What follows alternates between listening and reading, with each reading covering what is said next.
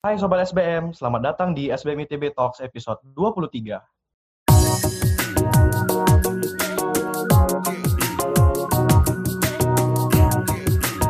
Aku Karino dari SBM ITB Manajemen 2021 dan aku akan menjadi announcer pada episode kali ini. Jadi, hari ini kita akan membahas tentang memimpin di era digital dengan karyawan-karyawan milenial. Narasumber kita hari ini merupakan narasumber yang sangat capable, yaitu Bapak Hermawan Sutanto, COO dari Video.com. Video merupakan sebuah perusahaan over-the-top media services yang menawarkan tontonan entertainment kepada masyarakat Indonesia – Selain itu, beliau pernah menjajak sebagai advisor di Frame a Trip, sebuah marketplace yang menghubungkan turis dengan fotografer profesional. Terlebih lagi, Pak Herwawan merupakan co-founder sekaligus CCO dari Busy Indonesia. Busy merupakan salah satu perusahaan B2B marketplace yang terkenal di Indonesia. Hari ini beliau akan menyampaikan informasi dan pengetahuan mengenai kepemimpinan dan pentingnya kepemimpinan pada masa sekarang. Karena telah terjadi banyak perubahan pada tahun ini dan ditambah lagi dengan digitalisasi yang terus merambat, sehingga menimbulkan banyak tantangan sekaligus peluang kepada bisnis kita. Jadi kita tahu, sejak pandemi ini muncul, telah tercipta istilah new normal. Terdapat perubahan yang signifikan dalam workflow di perusahaan, khususnya perubahan dari sistem offline ke online. Dan faktanya, tidak semua orang bisa menerima perubahan ini. Bahkan ada istilah cabin fever, yaitu perasaan negatif yang muncul ketika orang terlalu lama terkurung di dalam rumah. Bagaimana Bapak Hermawan memandang dan menanggulangi hal ini sebagai pemimpin perusahaan? Jadi kalau boleh dijelasin, dijelasin sedikit, Rino, sebenarnya kalau di, di bisnis startup itu somehow punya kelebihan sedemikian sehingga dengan new normal ini bukan sesuatu yang jadi halangan besar, Rino. Tahu kenapa? Kalau new normal dengan work from home, ada satu kelebihannya startup, itu nomor satu adalah secara, secara infrastruktur memang devices-nya itu laptop semua. Jadi sangat mobile untuk start work from home. Itu satu.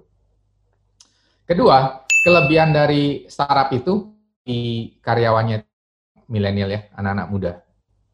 Apa yang menyebabkan ini jadi satu kelebihan di saat new normal? Karena anak-anak muda ini memang uh, quote unquote sudah melek teknologi. Jadi work from home dengan device dan dia dia melek teknologi.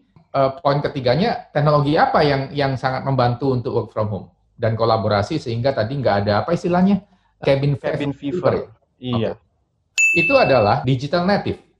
Mungkin kayak sobat uh, eh, SBM itu semuanya kan digital digital native ya.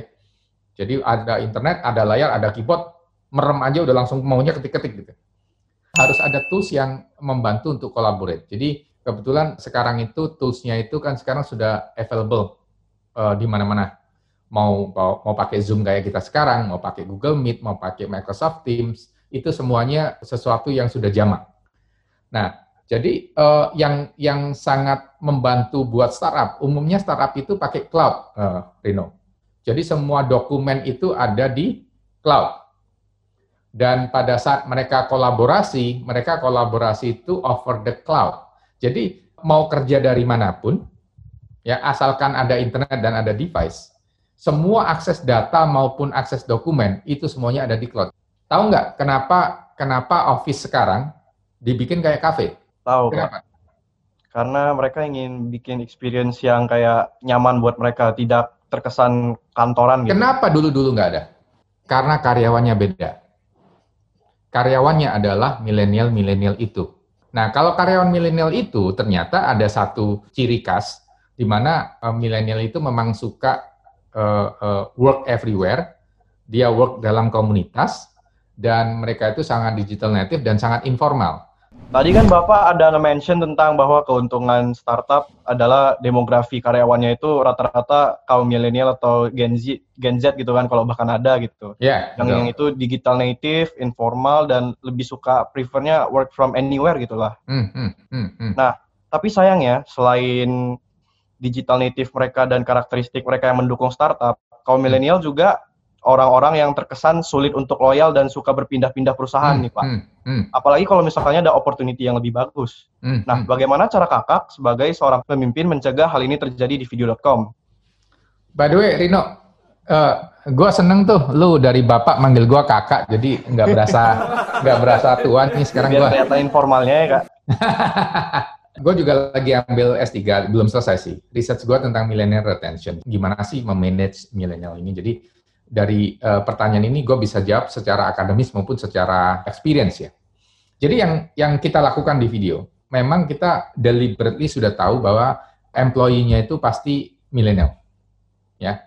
Sehingga yang kita lakukan untuk retention. Jadi pertanyaan yang tadi kan lebih ke arah retention gitu ya. Jadi yang kita lakukan di video adalah satu kita memastikan aware tentang shared purpose kenapa mereka kerja di video. Oke. Okay? Dan shared okay. purpose-nya adalah sesuatu yang aspirational, you know. Among all the OTT video, kalau setiap kali ada employee masuk kita kasih tahu misi kita ini, visi kita ini dan we depends on you. Make a tick. And and stick. Ya, stick ke ke anak-anak itu bahwa ada satu misi misinya itu aspirational dan untuk ke sana butuh kerja keras sehingga untuk bisa mencapai ke sana memang butuh banyak effort dan ada waktunya gitu kan. Kedua, properti dari uh, milenial ini termasuk uh, kayak lu mungkin lu Gen Z kali ya. Itu adalah mereka tuh suka work dalam komunitas. Uh, mereka itu akan look up ke sebuah komunitas yang bisa gue bilang kalau ada orang yang memang benar-benar pinter, benar-benar jago, dan uh, dicemplungin ke satu komunitas itu, komunitasnya akan akan stay dan sustain. Kenapa? Karena uh, si milenial-milenial ini akan merasa masih ada banyak yang harus dipelajarin dari orang ini. Jadi strategi yang dilakukan video adalah kita itu salah satu company yang sangat agresif dengan internship. Jadi kita itu uh, cukup agresif untuk meng-hire interns, ya. Tapi interns yang kita pilih itu adalah interns yang IPK minim tiga setengah. Kenapa? Kata karena kita mau bawa the brightest and the smartest interns, interns itu masuk ke video. Sehingga pada saat mereka masuk dan mingle dengan karyawan-karyawan lain yang milenial, perlahan video itu bisa punya demografi environment di mana anak-anak muda, energetik, pinter-pinter, jago-jago, uh, apa penuh inisiatif, goal getter dan seterusnya. Dan kalau itu dikumpulkan jadi klaster-klaster, gue jadi punya banyak klaster yang hebat-hebat begitu, dan itu membuat orangnya pada stay. Kenapa? Karena sudah terbentuk satu high performing komunitas. Nextnya anak-anak muda itu kayak kalian kan suka challenge, gitu ya. Jadi video as a OTT buatan Indonesia memang nggak gampang untuk bikin orang Indonesia itu mau download, install, pakai, bayar, itu nggak gampang. Karena nggak gampang itulah malah instead of dijadiin blocker atau speed bump, kita jadikan ini sebagai challenge buat anak-anak muda itu. Jadi anaknya udah pinter-pinter, jago-jago, kemudian kita bilang, ya ini kita ada problem statement nih, bisnis proses yang kompleks yang hanya mungkin hanya kalian yang bisa resolve. Jadi pada saat dikasih challenge, motionnya bergerak. Dan terakhir, ladder. Jadi uh, video prefer untuk internal promotion sih, you know. Jadi kalau ada atasnya yang mungkin dihajar company lain, biasanya kita akan naikin dari yang bawah. Sehingga banyak yang kita lakukan dari internship pada saat dia lulus kontak balik ke kita, kita ada open position staff, kita utamakan hire yang sudah internship dari kita. Jadi benar-benar yang kita mau lakukan itu adalah video harus jadi satu uh, startup di mana the brightest, the smartest itu benar-benar uh, bisa ngumpul jadi satu, membentuk satu komunitas, dan mendapatkan aspirational goal yang cukup challenging untuk mereka bisa resolve.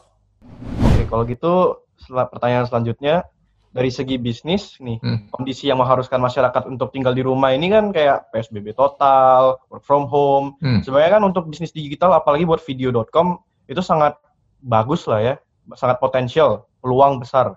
Hmm. Nah, tapi untuk bisa bersaing dengan platform lain, video.com kan harus bisa jeli melihat peluang itu kan dalam waktu yang hmm. singkat. Bagaimana hmm. kakak sebagai pemimpin menemukan peluang di masa seperti ini dan menyatukan pemikiran karyawan itu untuk memaksimalkan peluang yang ada ini?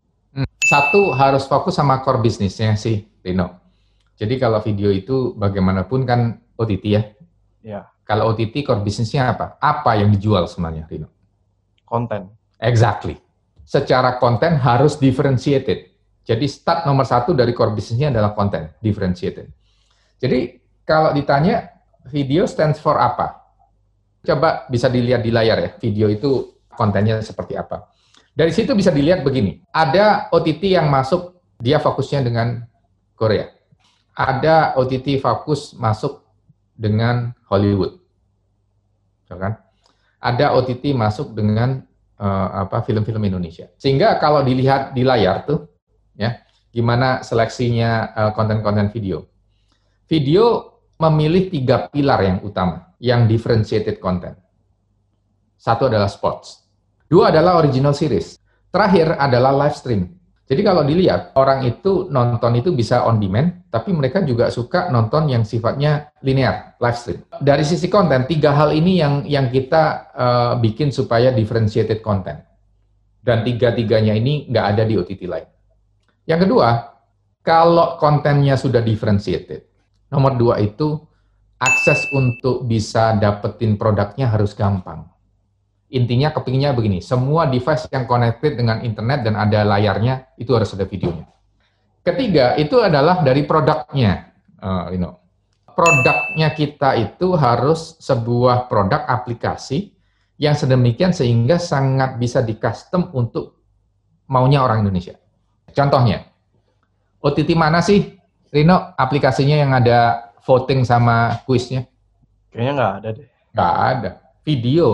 Dan akan ada banyak engagement-engagement fitur lainnya ke depan yang akan uh, akan diluncurkan oleh video karena kita sangat agile untuk untuk mengcustom produk kita agar sesuai dengan kemauan uh, customer kita di Indonesia.